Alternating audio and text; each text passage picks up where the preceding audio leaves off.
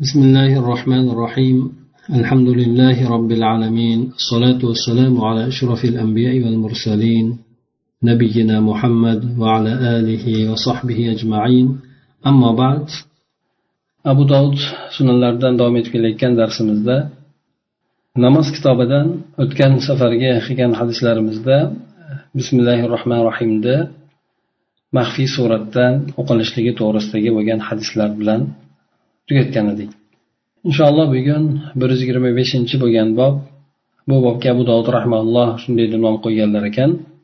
Babu man biha ya'ni bismillahi rohmanir rohimni oshkor o'qiydigan e, kimsalar shularni to'g'risida e, qilgan rivoyatlari e, to'g'risidagi bob ekan endi. Ya'ni aytib o'tdik bu bismillahi rohmanir rohim aytilishligi bu jumhur olimlarni nazdida bu maxfiy suratda o'qiladi. Ba'zi olimlar xosatan shofiy mazhabidagi bo'lgan ba'zi olimlar shu jahriy o'qilishligini quvvatli deb bilishadi hamda ular qiroatlarini alhamdu bilan emas balki bismillahi rohmanir rohim deb boshlashadi. Bu abu dovud rahmaulloh u to'g'risida kelgan rivoyatlarni keltirib o'tgan hamda alboniy rahmaulloh esa bu rivoyatlarni zaif ekanligiga ishora qilgan. Shulardan birinchisi mana yetti yuz sakson oltinchi bo'lgan hadis bu hadisda yazidul forisiydan rivoyat qiladiki u kishi aytdilar samiatu ibn abbas قال قلت لعثمان بن عفان ما حملكم على أن عمدتم إلى براءة وهي من المئين كمئين كبرق مئين دب أقلارد وإلى الأنفال وهي من المثاني فجعلتموهما في السبع الطوال في السبع الطوال ولم تكتبوا بينهما سطر بسم الله الرحمن الرحيم. قال عثمان كان النبي صلى الله عليه وسلم مما تنزل عليه الآيات فيدعو بعض من كان يكتب له ويقول له ضع هذه الآية في السورة التي يذكر فيها كذا وكذا. وتنزل عليه الآية والآيتان فيقول مثل ذلك وكانت الأنفال من أول ما نزل عليه نزل نزل عليه بالمدينة وكانت براءة من آخر ما نزل من القرآن. وكانت قصتها شبيهة بقصتها فظننت أنها منها فمن هناك وضعتها وضعتهما في السبع الطول ولم أكتب بينهما سطرا بسم الله الرحمن الرحيم. Bu hadislarida aytadiki men ibn abbos roziyallohu anhu anhumoni shunday deyotganligini eshitdimki bu kishi aytdilar ya'ni men usmon ibn affon roziyallohu anhuga aytdim sizlarni baroa surasi bilan ya'ni tavba surasi bu tavba surasi oyati yuzdan oshiq bo'lganligi uchun men deb aytiladi hamda anfol undan qisqaroq bo'lgan sura ya'ni masoniylarga kiradi. Qayta qayta o'qiladigan yoki bo'lmasa shu meindan ko'ra ya'ni yuz oyatdan ko'ra past ozroq bo'lgan oyatlar oyatlari bo'lgan sura ana o'sha suraga qo'shib yubordilaringiz shunga sizlarni nima narsa undadi? Keyin qo'shib turib sizlar anfolni ham katta yetti suralarni ichiga qilib qo'ydilaringiz. Baro bilan birgalikda ikkalasini uzun oyatlari bo'lgan masalan yuzdan ortiq oyatlari bo'lgan o'sha yettita uzun bo'lgan suralarni ichiga ikkalasini ham qilib qo'ydilaringiz.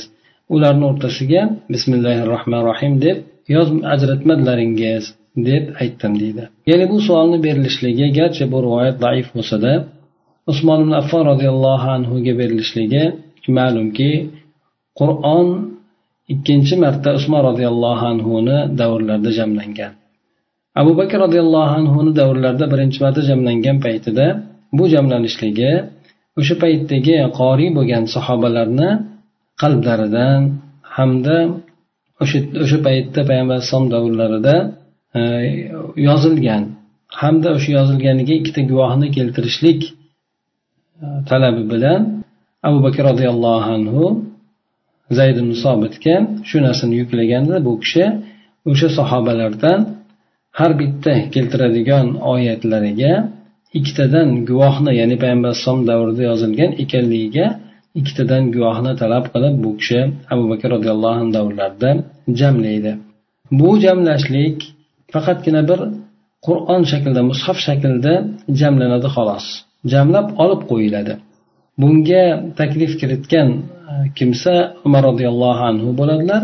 Ya'ni u kishi sahobalar shu musaylamatli kazzob bilan bo'lgan janglarda ancha sahoba qori bo'lgan sahobalar ham vafot etib ketadi shahid bo'lib ketadi. Bu narsalarni umar roziyallohu anhu ko'rgandan keyin oldini olish maqsadida abu bakr roziyallohu anhuga ya'ni qorilar vafot etib ketib qolmasdan avval o'sha qur'onni jamlab qo'yishlik taklifini kiritadi. Abu bakr roziyallohu anhu avvaliga unamaydi chunki payg'ambar alayhisalomdan bu narsa vorid bo'lmagan deb keyin umar roziyallohu anhu qattiq turgandan keyin abu bakrni qalbi ham mana shu uchga ochiladida keyin zayd ibn sobit bu kishi oldin vahiy yozib yurgan kimsa bo'ladi payg'ambar alayhisalom davrlarida. Bu kishiga shu vazifani yuklaydi. Bu kishi esa o'sha hamma yozilgan joylardagi bo'lgan oldin yozilgan terilarga yozilgan barglarga yozilgan boshqa toshlarga yozilgan o'sha narsalarni yozilgan payti payg'ambar alayhissalomni davrida bo'lganligi hamda shu yozilganligiga ikkita guvohni e, talab qilgan holatda bu kishi jamlab o'sha yozilgan narsalarni bir e, kitob shakliga keltirib olib qo'yadi. Bu abu bakr roziyallohu anhuni davridagi jamlashlik bo'lgan. Bu paytda jamlanishligi ya'ni qorilar vafot etib ketib qolib o'sha to'planmasdan jamlanmasdan qolmasligini oldini olishlik maqsadida qilinadi. Usmon roziyallohu anhuni davrlariga kelgan paytida islom diyori juda kengayib ketgandan keyin hop abu huzayfa roziyallohu anhu bu ozarbayjon tomonlarida bo'ladi. Shunda bu kishi kelib usmon roziyallohu anhuga o'sha yerdagi bo'lgan ba'zi ixtiloflarda oyat turli tilovatlardagi yoki bo'lmasa qiroatlardagi bo'lgan ixtiloflarni chiqarib chiqayotganligini aytib ummat tafriqa bo'lib ketishligidan bo'linib ketishligidan oldin ularni o'sha jamlashlikka jam holatni ushlab qolishlikka harakat qiling degan mazmunda bu kishi kelib aytadi. Keyin usmon roziyallohu anhu o'sha qiroatlarni birlashtirishlikka harakat qiladi. Bunda o'sha zayd ibn sobitni chaqiradida o'sha barcha bo'lgan qiroatlarni hammasini bir qiroat ya'ni mushaf suratda bir qiroatga jamlashlikka bu kishi buyruq qiladi. Ana o'shandan keyin usmon abu zayd ibn sobit roziyallohu anhu hafsa onamizdan ya'ni o'sha avvalgi paytda jamlangan e, mushaf bu abu bakr roziyallohu anhuni xalifaligida u kishida bo'ladi. Keyin umar roziyallohu anhuga o'tadi u kishidan keyin. Umar roziyallohu anhu vafot etgandan keyin u qur'on hafsa onamizda qoladi. O'sha hafsa onamizdan o'sha qur'onni olib keladida bu kishi keyin keyin qaysi o'rinda qiroat ixtilofi bo'ladigan bo'lsa o'shani o'sha e, qur'onga qaragan holatda hamda qurayshni shivasi bilan yozadi bu kishi. Mana shu bilan qiroatlar jamlanadida boshqa barcha qiroatlarni demak ya'ni o'sha boqorlarni qur'onlarni ham usmon roziyallohu anhu yoqib yuborishlikka buyuradi. Ana o'sha bilan demak ummatni ya'ni qiroat borasidagi bo'lgan ixtiloflari barham topadi. Shu bilan bir qur'onga jamlaniladi shuning uchun bu qur'onni biz o'qiyotgan qur'onni mushaf usmon deb aytishadi. Ya'ni usmon roziyallohu anhuni davrlarida jamlangan ya'ni qiroatlarni jamlangan. O'sha mushaf suratida o'sha hozirgi o'qiladigan yetti qiroat bo'ladigan bo'lsa hammasini rioya qilingan. O'shanda avvallari nuqtalar bo'lmagan yoki harakatlar bo'lmagan lekin yozilishlik rasmida albatta o'sha biz hozirgi paytda o'qiladigan yetti qiroat mana shuni hammasini E, rioya qilingan undan ortiq bo'lgan ba'zi sahobalarni o'zlarini qiroatlari bo'lsin boshqalar bo'lsin bu narsalarni hammasini e, hazf qilingan yoki bo'lmasa ularni e, chiqarib tashlangan. Albatta qiroatlardagi bo'lgan ixtilof bu o'zi ana shunday payg'ambar sallallohu alayhi vasallamdan birinchidan rivoyat qilinganligi ikkinchidan esa bular bir biriga ma'noda zid kelmaydi balki ma'nosida quvvatlab ortig'i bir ziyodaroq bo'lgan ma'noni ham beradi. Shuning uchun qur'on to'g'risida payg'ambar alayhisalom aytganlar demak o'sha yetti qiroatda nozil bo'lganligini jibril alayhissalom ana o'shanday suratda payg'ambar alayhisalomga nozil qilib kelganligini undan tashqari payg'ambar alayhissalomni huzurida ham umar roziyallohu anhu bir sahobiyni shov olib kelib ya'ni siz o'qiyotgan biz eshitgan qiroatdan boshqacha o'qiyapti bu deganda keyin payg'ambar alayhissalom uni ham o'qittirib ko'radi umarni ham o'qittirib ko'radi keyin aytadiki ikkalasiga ham ana shuningdek nozil bo'lgan edi ana shuningdek nozil bo'lgandi deb aytadi. Mana shundan demak usmon roziyallohu anhuga aytilishligi bu usmon roziyallohu anhu davrlarida asosan biz hozirgi kunimizda o'qib turgan mushaf o'sha kishi davrida jamlandi. Ana unda e'tibor qiladigan bo'lsanglar e, tavba surasi bilan e, anfol surasini o'rtasida ya'ni anfol surasi tugab tavbaga o'tayotgan paytida bismilloh yozilmagan bu o'rinda. Hop mana shu savolni bergan ekan bu kishi. Aslida hop aytiladigan bo'lsa olimlar aytishadiki suralarni nomlari ham suralarni tartiblari ham hammasi oyatlarni tartiblarini aytmay qo'yaveraylik chunki bu narsa albatta aniq bo'lgan narsa. Ya'ni payg'ambar sallallohu alayhi vasallamni o'zlari tomonidan belgilab aniqlangan aytilgan deydi. Hatto oyatlarni e, o'rinlari ham suralarni o'rinlari ham suralarni nomlari ham demak payg'ambar sallallohu alayhi vasallamni o'zlaridan rivoyat qilingan ekan bu narsa. Ana o'shandan demak bismillahi rohmanir rohimni bu anfol surasi bilan tavba surasini o'rtasiga qo'yilmaganligi olimlar mana aytishadiki bu borada hop baroa surasi tavba surasi qilich bilan nozil bo'lgan. Ya'ni rahm shafqat bilan emas balki qilich bilan nozil qilingan ya'ni bunda qat'iy bo'lgan hukmlar bor. Ya'ni mushuklarga ular sizlarga ommadan jang qilayotgani kabi sizlar ham ommadan jang qilinglar deb shuna qilich oyat qilich bilan nozil qilingan hisoblanadi. Ana o'shandan bu rahmat bo'lmaganligi uchun bunda ha bismillahi rohmanir rohim bilan boshlanmaydi deb olimlar aytishadi. Bu hadisimizga qaytadigan bo'lsak demak usmon roziyallohu anhu javob qildilarki bu rivoyat bo'yicha payg'ambar sallallohu alayhi vasallamga oyatlar nozil qilinar edi. U kishi o'ziga shu vahiy yozadigan kimsalarni ba'zilarini chaqirardida aytardiki mana bu oyatni palon piston zikr qilinadigan suraga qo'ying deb aytardi. Ya'ni bir oyat suralar to'liq suratda birin ketin nozil bo'lmagan. Bu surani bir qismi hozir nozil bo'lgan bo'lsa masalan bir qismi bir muddatdan keyin boshqa surani Э, avvali hozir nozil bo'lgan bo'lsa bir muddatdan keyin oxiri yoki bo'lmasa oxiri nozil bo'lgan bo'lsa avvali boshqa paytda shunaqa har xil suratlarda har xil paytlarda nozil qilingan. Lekin payg'ambar sallallohu alayhi vasallam vahiyni yozuvchi bo'lgan kimsalarga aytardi bu surani palon oyat bilan palon oyatni o'rtasiga qo'ying buni e, bu oyatni palon surada palon narsa zikr qilingan. Ya'ni avvallari o'sha zikr qilingan narsa bilan aytilgan ya'ni o'sha voqealar zikr qilingan suralarda yoki bo'lmasa muayyan bir suralarni hattoki ba'zilarda palon sura deb turib nomlarini ham aytganligi keladi. Demak payg'ambar alayhisalom o'zlari o'sha ishora qilib palon o'rniga qo'yishligini buyurardilar. Mana shu o'rinda ham mana shu narsa kelyapti.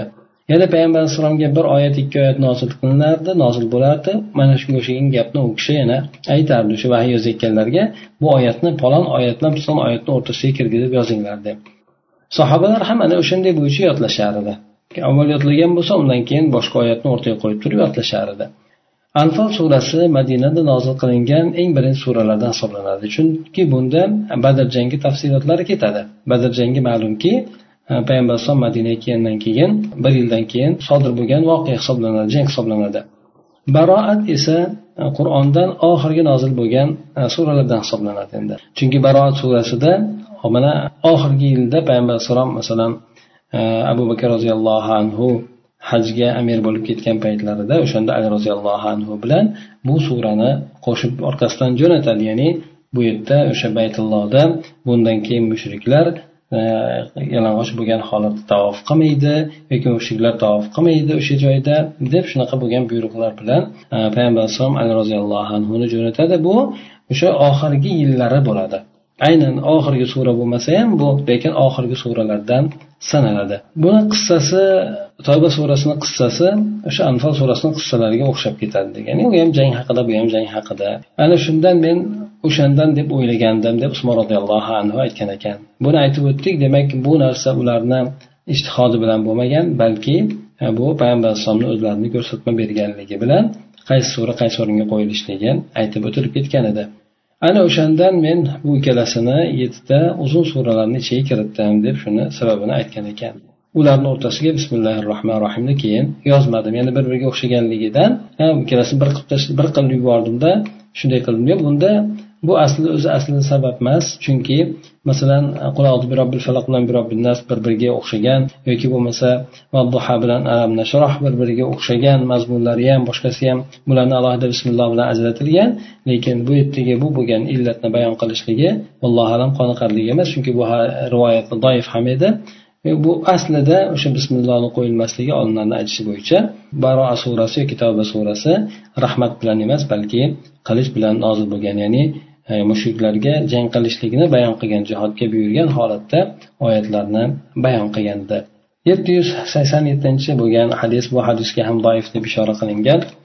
E, bu hadis yuqoridagi bo'lgan e, ma'noda boshqacha rivoyat yo'li ekan. Bunda rasululloh sallallohu alayhi vasallam aytadiki ibn abbos rivoyatda rasululloh sallallohu alayhi vasallam ya'ni payg'ambar alayhissalom vafot etib ketdilar. Bu sura biz uchun ya'ni undan deb bayon qilganligini aytmagan holatda vafot etib ketdilar deydi ya'ni tavba bilan o'sha anfol surasini bir biriga e, shundan ikkalasi bittadan deganini bayon qilmasdan vafot etib ketgandilar deb aytadi yana o'rtasiga shundan bismillah yozilmay qolgan ya'ni bismillah harfi surani boshida emas deb aytmoqchi bu gapi bilan abu dovud rahmaulloh aytadilarki قال الشعبي وأبو مالك وقتادة وثابت بن عمارة إن النبي صلى الله عليه وسلم لم يكتب بسم الله الرحمن الرحيم حتى نزلت سورة النمل هذا معناه Payg'ambar alayhissalom oyat suralarni avvallariga bismillah e, avvallariga bismillahi rohmanir rohimni yozmas edi. Hattoki naml surasi nozil bo'lgunigacha deydi. Naml surasida bismillahi rohmanir rohim surani o'rtasida keladi. Ya'ni bu oyatlarni birisi bo'lib keladi. Ana o'shandan keyin mana payg'ambar alayhissalom suralarni o'rtasini mana shu bilan ajratgan deydi. Albatta ajratishlik ham bu kishini o'zini ishtihodi bilan bo'lmagan. Chunki balki alloh taolo u kishiga bildirganligi bilan bo'lgan. mana yetti yuz sakkizinchi bo'lgan hadisda bu hadisni said ibn jubayrdan rivoyat qilinadi u kishi unda aytadiki ibn abbosdan rivoyat qilib كان النبي صلى الله عليه وسلم لا يعرف فصل السورة حتى تنزل عليه تنزل عليه بسم الله الرحمن الرحيم وهذا لفظ ابن السرح ya'ni ibn abbos rivoyatda keladiki payg'ambar sallallohu alayhi vasallam surani ajratishlikni bilmardilar ya'ni bir surani boshqa suradan ajratishlikni bilmasdilar hattoki bismillahi rohmanir rohim u kishiga nozil qilinmagunigacha deydi. Demak bismillahi rohmanir rohim naml surasida nozil qilingandan keyin ana o'sha suralarni o'rtasini ajratilishlik bismillahi rohmanir rohim bilan bo'lgan. Ana endi esa bu yerda qaytadigan masalamizga qaytadigan bo'lsak fotiha surasi bismillahi rohmanir rohim surasi har bitta surani boshidagi bo'lgan oyatligida olimlar ittifoq qilgan olimlar balki sahobalar ham boshqalar ham ijmo qilishgan. Ya'ni bismillahi rohmanir rohim hamma surani avvalda bor. Yana undan tashqari hammasi ijmo qilganki bismillahi rohmanir rohim naml surasini ichidagi oyat ham sanaladi. Ha bunga ham ijmo qilishgan chunki bismillahi rohmanir rohim muslimin degan demak e, o'sha bismillahi rohmanir rohim degan nimasi oyati o'sha naml surasini ichida keladi endi. Bir oyat suratida keladi. Bu ham demak e, sobit bo'lgan narsa. Faqatgina bu yerda sobit bo'lgan nimasi yana bismillahi rohmanir rohim alhamdu surasini ichidan hisoblanib qo'shib o'qiladimi yoki alhamd surasi ajratuvchi ya'ni suralarni o'rtasini ajratuvchi bo'lgan holatda maxfiy o'qiladimi? Bu borada demak olimlarda ixtilof bor ekan. Lekin aslida bismillahi rohmanir rohim bor. Buni oshkor o'qiladimi yoki maxfiy o'qiladimi? Mana shu to'g'risida demak mazhab olimlarini ixtilofi bor ekan. Ko'pchilik olimlar demak payg'ambar alayhissalomni abu bakr umar roziyallohu anhuni yuqoridagi rivoyatlarda ham keldi. Bismillahi rohmanir rohimni maxfiy o'qiganligini rivoyat qilib keldi. Ba'zi rivoyatlar esa payg'ambar alayhisalom bismillahi rohmanir rohimni oshkor o'qiganligini ishora qilib kelgan. Shularga ko'ra ibn qayim rahimalloh aytganlarki payg'ambar alayhissalom aksar holatlarda bismillahi rohmanir rohimni ichida o'qiganlar lekin ba'zan ta'lim uchun boshqa uchun bismillahi rohmanir rohimni ham e, oshkor suratda o'qiganligi ham kelgan lekin aksar holati payg'ambar alayhisalomni bismillahi rohmanir rohimni maxfiy bo'lgan suratda o'qishadi deydi shundan demak ba'zan shofiy mazhabidagi imomni orqasidan namoz o'qib qolinadigan bo'lsa tajibga tushmaslik kerak ular bismillahi rohmanir rohim deb turib boshlashadi keyin alhamdulillah o'qiydi. Qolgan mazhabdagi kishilar esa avval o'sha bismillahi rohmanir rohimni ham maxfiy ichida o'qib turib keyin alhamdulillahi robbil alamin bilan boshlab ketishadi. Chunki payg'ambar alayhissalomdan kelgan sunnat mana shunday ekanligiga ko'plab rivoyatlar dalolat qiladi.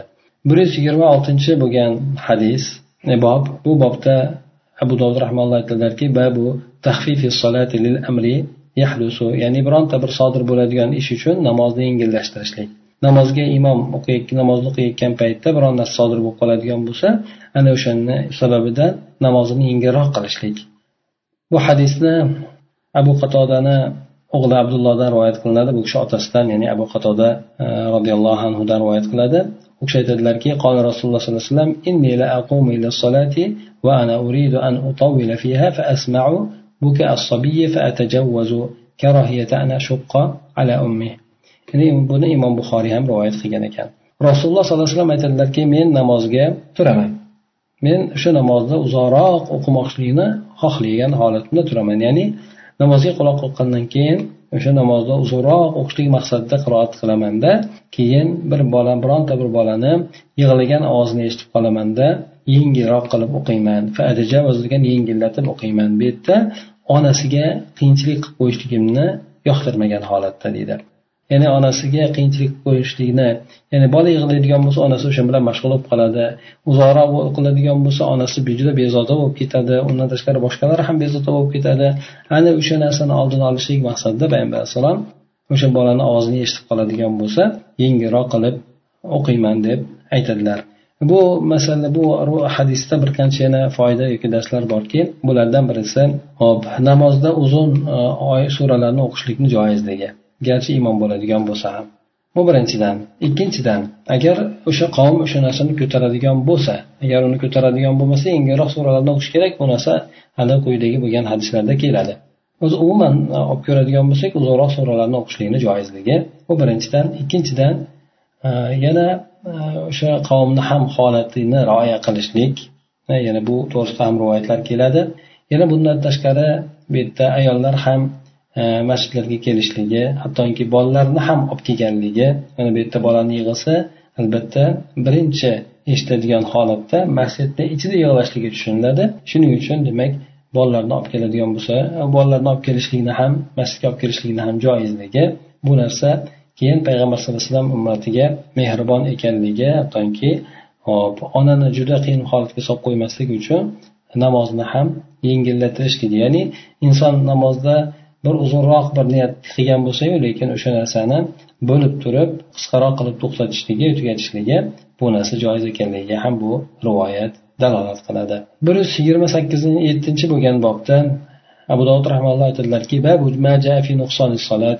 namozni kamchiligi to'g'risida kelgan rivoyat ekan. yetti yuz to'qsoninchi bo'lgan hadis bu hadisni ammor ibn yosir roziyallohu anhu rivoyat qilinadi. u kishi aytadilarki samiatu rasululloh sollallohu alayhi vasallam inna va ma kutiba lahu illa salatihi tus'aha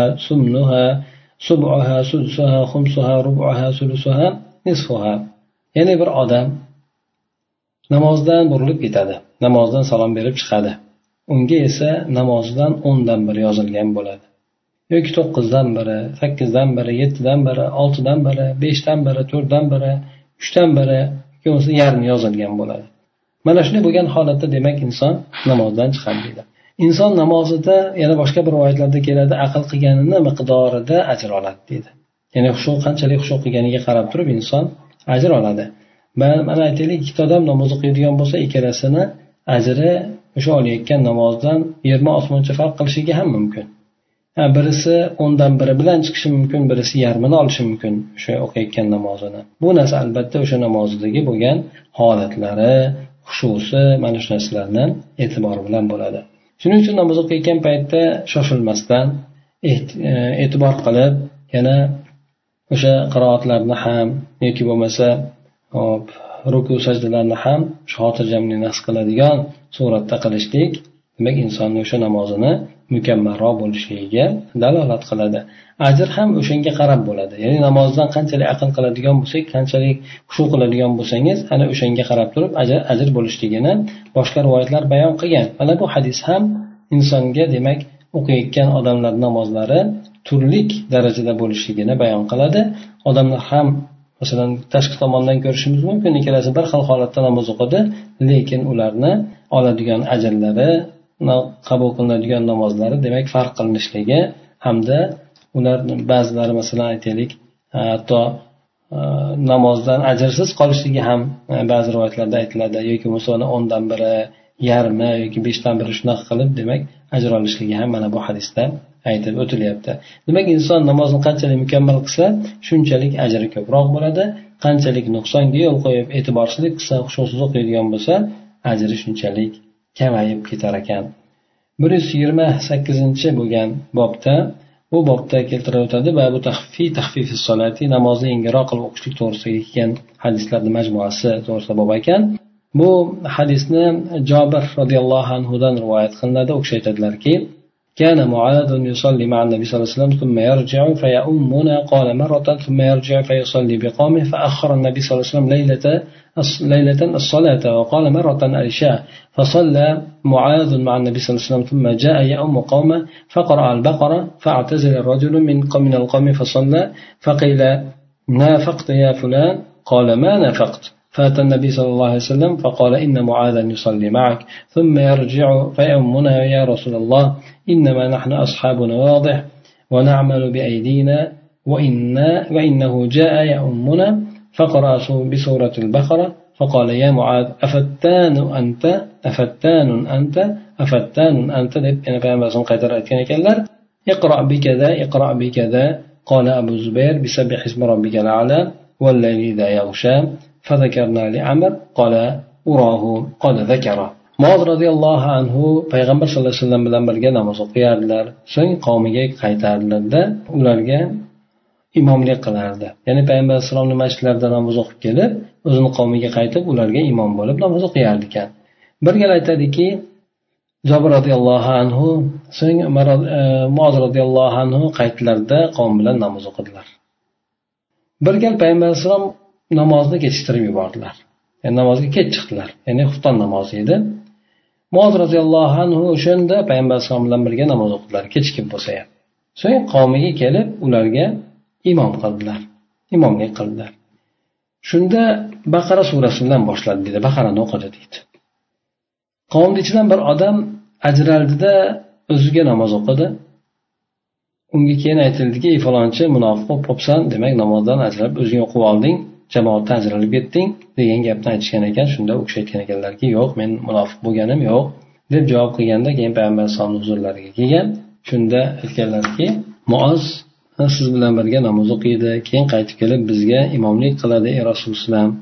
Biz esa biz mehnat qil mehnatkash bo'lgan odamlarmiz. Tuyalarga qaraymiz mehnat qilamiz qo'llarimiz bilan ishlaymiz. Ya'ni qo'l mehnat qilamiz.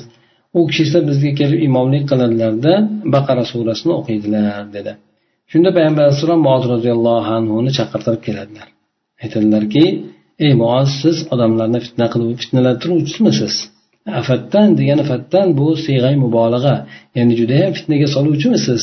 deb payg'ambar alayhisalom u kishiga ikki marta tanbeh shunday deb aytdilar. Falondaqani o'qing pisondaqani o'qing dedi. Bunda abu zubayr aytadiki ya'ni shunga o'xshagan demak suralarni o'qing deb payg'ambar alayhisalom u kishiga buyurdilar. Roviylardan birisiga biz zikr qiluvdik deb sufyon savriy aytadilar.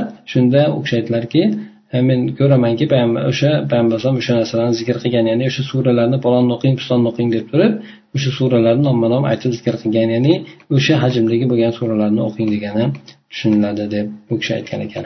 Mana bu hadisni olib qaraydigan bo'lsak yana bundan keyingi rivoyatlari ham bor.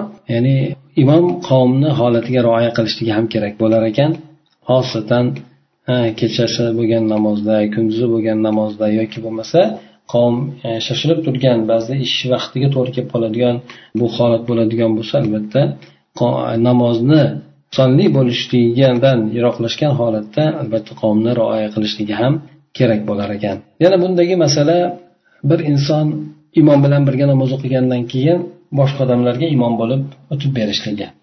Demak ikkalasidan birisi nafl bo'ladi. Ikkalasidan birisi nafl bo'ladi. Bu yerda ham hozir roziyallohu anhu payg'ambar alayhisalom bilan birga namoz o'qidilarda qavmga borib imomlik qilib o'qib berdilar. Bu narsa joiz. Endi bu yerdagi bo'lgan niyat. Jumhur olimlar aytadiki moz roziyallohu anhuni payg'ambar alayhisalom bilan birga o'qiganligi farz bo'lgan. Undan keyin bu kishi o'zini qavmiga o'qib berganligi bu nafl bo'lgan u kishi uchun deb aytishadi. Ya'ni birinchi payg'ambar alayhisalom bilan o'qiganligi bu farz deb e'tibor qilinadi keyin u kishini imom bo'lib o'qiganligi esa u kishi uchun nafl bo'lib qoladi deb aytishgan. Shu bilan nafl o'qiyotgan odamga farz o'qiyotgan odam ergashsa bo'ladi deb xulosani aytishgan. Hanafiy mazhabi olimlari aytishadiki allohu alam ya'ni bu yerda moz roziyallohu anhu payg'ambar alayhisalom bilan birga o'qiganligi nafl bo'ladi. Chunki u kishi bir masjidni imom bo'lganligidan o'sha yerda borib o'qib berishligi bu aniq bor bo'lgan narsa edi. Shuning uchun payg'ambar alayhisalom bilan birga o'qiganligi nafl bo'ladi. Keyin qavmiga borib ular bilan farzni o'qiydi degan gapni aytishadi. Bu o'sha ya'ni bularni o'zi qoidasida bor nafl o'qiyotgan odamga farz o'qiyotgan odam ergashishligi bo'lmaydi ya'ni ergashib o'qimaydi degan gapni aytishadi. Ana o'shanga bu rivoyatni shunday deb tavil qilishgan. Aslida demak bu rivoyat zohirga qaraladigan bo'lsa albatta roziyallohu anhu payg'ambar sallallohu alayhi vasallam bilan birga farzni o'qiganligi bu ya'ni inson birinchi o'qigan namoz aslida farz bo'ladi katta masjidda o'qiydigan bo'lsa ana undan keyin nafl o'qigan holatda imomlik qiladi. Bu kishini o'qigan namozi bilan ko'pchilik keyin namoz o'qiydi. Bu narsa aslida joiz. O'zi aslida e, inson ya'ni farz o'qimagan ya'ni shunday bir jamoat to'g'ri kelib qoladigan bo'lsaki imomni agar farz o'qiydigan odamni tanlashlik ma'qulroq bo'ladi bu birinchisi ixlofdan chiqishlik ikkinchisi afzaliyat bo'lganligidan. Ana u narsa agar imom juda e, darajada yetarli yetarlik bo'lmasa e, bunda ya'ni qiroati boshqa tomonlardan nuqsonli bo'ladigan bo'lsa o'sha nafl o'quvchi bo'lgan odam ham imom qilishlik imomlik qilishligi mumkin bo'lar ekan. Yoki bo'lmasa bir odam nafl namoz o'qiyotgan bo'lsa unga farz bilan kelib iqtido qilishlik mana bu ham mana bu hadisga suyangan holatda bo'ladi. Ha uni ham o'sha xilofga binoan jumhur olimlar mumkin bo'ladi deb aytishaveradi. Nima esa? Hanafiy mazhabidagilar esa bunday qilinmaydi chunki nafl o'qiyotgan odamga farz o'qiyotgan odam iqtido qilmaydi deb aytishadi. Yana bir masala hop namozdan chiqqan odam masalan namozda kech qolgan odam imom salom bergandan keyin turib ketdi. Bu o'qiyotgan odamga yana bir odam kelib iqtido qilishligi. Bu narsa joizmi desa o'zi aslida joiz lekin olimlar aytishadiki aslida inson unga iqtido qilmasdan o'zini o'qiganligi ma'qul bo'ladi lekin unga iqtido qilib o'qisa ham bo'laveradi deb aytishadi. Bu yerda ya'ni imomdan kech qolgan farz o'qiyotgan odamga keyin namoz tugagandan keyin kelib qo'shiladigan odam unga ergashib e, namoz o'qisa bo'ladi lekin afzali o'zlari alohida o'qishligi bo'ladi. Ya'ni boshqa odamlar ham yana kelib qoladigan bo'lsa ular bilan jamoat qilib imom bo'lishligi e, alohida jamoat bo'lib o'qishligi shu narsa afzalroq bo'ladi yoki bo'lmasa o'sha namozchidan chiqqan odamga iqtido qilmasdan o'zi o'qiganligi afzalroq bo'ladi deb aytishadi. Ya'ni namoz ichida o'zi ma'mum bo'lgan odam keyin imom bo'lib ketishligi buni ba'zilar bu narsani joiz bo'laveradi deyishadi lekin inson o'zi alohida o'qishligi bundan ko'ra yaxshiroq bo'ladi deb aytishadi. Yetti yuz to'qson ikkinchi bo'lgan hadis bu e, rivoyat esa ubay ibn kab roziyallohu anhuni o'g'illari hazmdan hazm degan o'g'illaridan rivoyat qilinadi. U kishi aytadilarki mozim ibn jabal roziyallohu anhu keldilar. U kishi moz roziyallohu anhuni oldiga kelgan ekan. Moz esa bir qavm bilan shom namozini o'qiyotgan ekan deydi. Yuqorida demak xufton namozi bo'lib keldi endi. Shunda rasululloh u kishiga aytdilarki keyin ey muoz odamlarni fitna qiluvchi bo'lmang e, chunki siz orqangizda yoshi katta bo'lgan odam zaif bo'lgan odam hojatmand odam bir ishi bor bo'lgan odam musofir bo'lgan odam namoz o'qiydi shularni rioya qiling deb aytganligini rivoyat qiladi. Bunda musofir deganda so'zni qo'shilib qolganligi ya'ni boshqa rivoyatlarda bu narsa yo'q ekan. Hamda shom namozi to'g'risida aytilganligi ham boshqa ko'plab rivoyatlarda yo'q ekan. Ana shuning uchun buni munkar deb aytildi. Yetti yuz to'qson uchinchi bo'lgan hadis bu hadisni payg'ambar sallallohu alayhi vasallamni ba'zi sahobalardan rivoyat qilingan ekan. ya'ni sahobalarni nomini aytilinmasligi zarar qilmaydi chunki ularni hammasi adolatli deb e'tibor qilinadi qon nabiy sallallohu alayhi vasallam namozda siz nima deb duo qilasiz ya'ni namoz uchun nima deysiz nima deb duo qilasiz deganda u kishi aytdilarki atashahadu va aqulu allohumma inni asaluka al janna va a'udhu bika minan nar أما إني لا أحسن دندنتك ولا دندنة معاذ فقال النبي صلى الله عليه وسلم حولها ندندن shunda haligi odam aytdiki men tashahhudni aytaman tahiyoti salovatni aytaman. Keyin allohumma inni asalukal janna va bika minan nar deb aytaman. Ya'ni shu chindan jannat so'rayman do'zaxdan panoh berishingni so'rayman deb shuni aytaman dedi. Ammo men endi siz qiladigan duolarni ham chiroyli bilmayman muoz qiladigan duolarni ham chiroyli bilmayman. Shu mana shu narsani aytib qo'ya qolaman ya'ni oddiygina sodda qilib turib jannat so'rayman do'zaxdan panoh so'rayman deb aytib qo'yaman. Ja uzundan uzun duo qilishlikni bilmayman siz qiladigandaqa yoki muoz ya'ni o'sha imom bo'lib turgan holatida bu allohu alam muozni qavmidan bo'lsa kerak o'sha kishini e, qiladigan duosiga duo qilolmayman. Shu qissa qilib shu sodda qilib shunday duo qilaman deganda payg'ambar alayhisalom aytdilarki biz ana ayni o'sha duoni atrofida o'zi harakat qilamiz. Ya'ni o'shani atrofida aylanamiz o'zi. Aslida bizni qiladigan butun harakatlarimiz hammasi jannatga erishishlik do'zaxdan qutulib qolishlik deb u kishi shunday deb aytgan ekan. Yetti yuz to'qson to'rtinchi bo'lgan hadis e, bu hadisda ham ayni mana shu rivoyatda boshqa yo'ldan keladi. Bunda jobir roziyallohu anhuni rivoyatidan o'sha muozni qissasini zikr qilgandan keyin aytadiki payg'ambar sallallohu alayhi vasallam bir yosh yigitga aytdi ey ey jiyan o'sha namoz o'qiydigan bo'lsangiz qanday qilasiz? deganda o'sha aytdiki men fotiha surasini o'qiyman va alloh taolodan keyin jannat so'rayman do'zaxdan panoh so'rashni panoh so'rayman. Lekin men siz qiladigan duoni ham muoz qiladigan duoni ham bilmayman shunday qilib duo qilolmayman deganda payg'ambar alayhisalom aytdilarki meni ham muoz ham ayni mana shu ikki narsani o'rtasida o'zi haylanamiz ya'ni harakat qilamiz ya'ni jannat bilan do'zaxni jannatda erishishlik do'zaxdan qutulib qolishlik shuni atrofida ikkalamiz ham harakat qilamiz degan mazmundagi gapni aytgan. Mana bu dandana degani o'sha e, ya'ni inson ichida o'qiydigan eshitil og'zi chiqarmasdan ichida o'qiydigan duolar ekan. Ba'zida mana salom berishlikdan oldin inson duo qilishligi bor. Robbana atina duosi bor degan duo bor. Boshqa boshqa duolar bor shularni qilinadi e, bu odam aytdiki men o'sha narsalarni bilmayman lekin o'z kallasida mana shu narsani men duo qilaman deb aytgan ekan. Payg'ambar alayhisalom yuqoridagi bo'lgan javobni qilgan ekanlar. Yana boshqa bir rivoyatda payg'ambar alayhissalomdan bo'lgan u kishi aytadilarki agar sizlarni birlaringiz odamlarga namoz o'qiydigan bo'lsa yengilroq qilib o'qisin chunki ularni orasida zaif odam bor kasalmand odam bor yoshi katta bo'lgan odam bor. Endi inson o'zi uchun o'qiydigan bo'lsa xohlagancha uzaytiraversin deb aytadilar. Bu sahiy bo'lgan rivoyat ekan. Ya'ni odam e, boshqalarni qavmni rioya qilish kerak lekin rioya qilishlik kerak deganda ham juda qisqartiradigan darajada emas. Bu albatta qiroatni yengilroq qilishlik to'g'risida ketyapti. Bu e, boshqa aytaylik namozda rukusidagi sajdasidagi yoki bo'lmasa boshqa holatli ko'chlik holatlardagi bo'lgan xotirjamlikni yengil qilishlik emas balki ular o'zini holatida o'qilaveradi.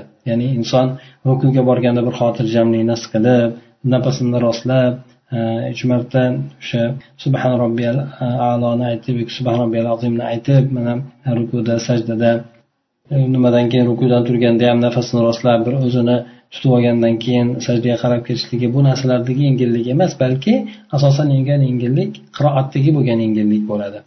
Qiroatni juda uzun qilmasin yengilroq o'qisin. Mana yuqoridagi bo'lgan rivoyatlarda keldi e, ya'ni yarim betlik bo'lgan suralarni o'qishligi. Ya'ni vashamsi surasi yoki bo'lmasa e, robbikal surasi shunga o'xshagan o'sha atrofda bo'lgan suralarni yoki o'shalar miqdoridagi bo'lgan oyatlarni o'qishlik. Mana shu narsa demak o'sha aslida e, munosib bo'ladi. Payg'ambar sallallohu alayhi vasallam esa o'zlari ya'ni qavmlarni holatini bilganligidan ba'zan ba'zan uzun suralarni ham o'qiyadilar. Undan keyingi bo'lgan yetti yuz to'qson oltinchi bo'lgan hadisni ham aytib o'tsak bu hadis abu roziyallohu anhudan rivoyat qilingan ekan. U kishi aytadilar payg'ambar alayhisalomdan rivoyat qilib sizlarni birlaringiz odamlar uchun namoz o'qisa yengilroq o'qisin chunki ularni orasida kasalmand bo'lgan odam yoshi katta bo'lgan odam bor hojatmand bo'lgan odam bor ya'ni ishga shoshilib turgan odam bor shuning uchun yengilroq o'qishlikni aytiladi. Masalan endi tarovehlar bo'ladigan bo'lsa taroveh o'zini nomi bilan ya'ni uzunroq o'qiladigan nafl ya'ni inson o'zini holatiga qarab turishi kerak. Qarab ko'taradigan bo'lsa kelib o'qiydi. Ha unda masalan uzunroq o'qiladi bir bet bir varaq degandek. Juda lekin unda unda ham o'zi qavmga juda uzunroq o'qib yuborishlik yaxshi emas. Masalan aytaylik yarim poradan yoki bir poradan o'qib yuboriladi ba'zida harakatiga. Albatta bu e, juda qiyin holatga solib qo'yadi odamlarni. Bundan tashqari baham bu narsaga kiradi endi. Xutbada ham juda uzundan uzun qilib yubormaslik kerak. Chunki ularda ishga shoshilib turgan odamlar bor kasalmand bo'lgan odamlar bor o'sha tahoratga tez tez borib turadigan odamlar bor shuning uchun xutba ham uncha cho'zilib ketmaslik kerak xuddi shuningdek e, namoz ham juda cho'zilib ketmaslik kerak bo'ladi سبحانك اللهم وبحمدك نشهد أن لا إله إلا أنت نستغفرك ونتوب إليك اللهم انفعنا بما علمتنا وعلمنا ما ينفعنا وزدنا علما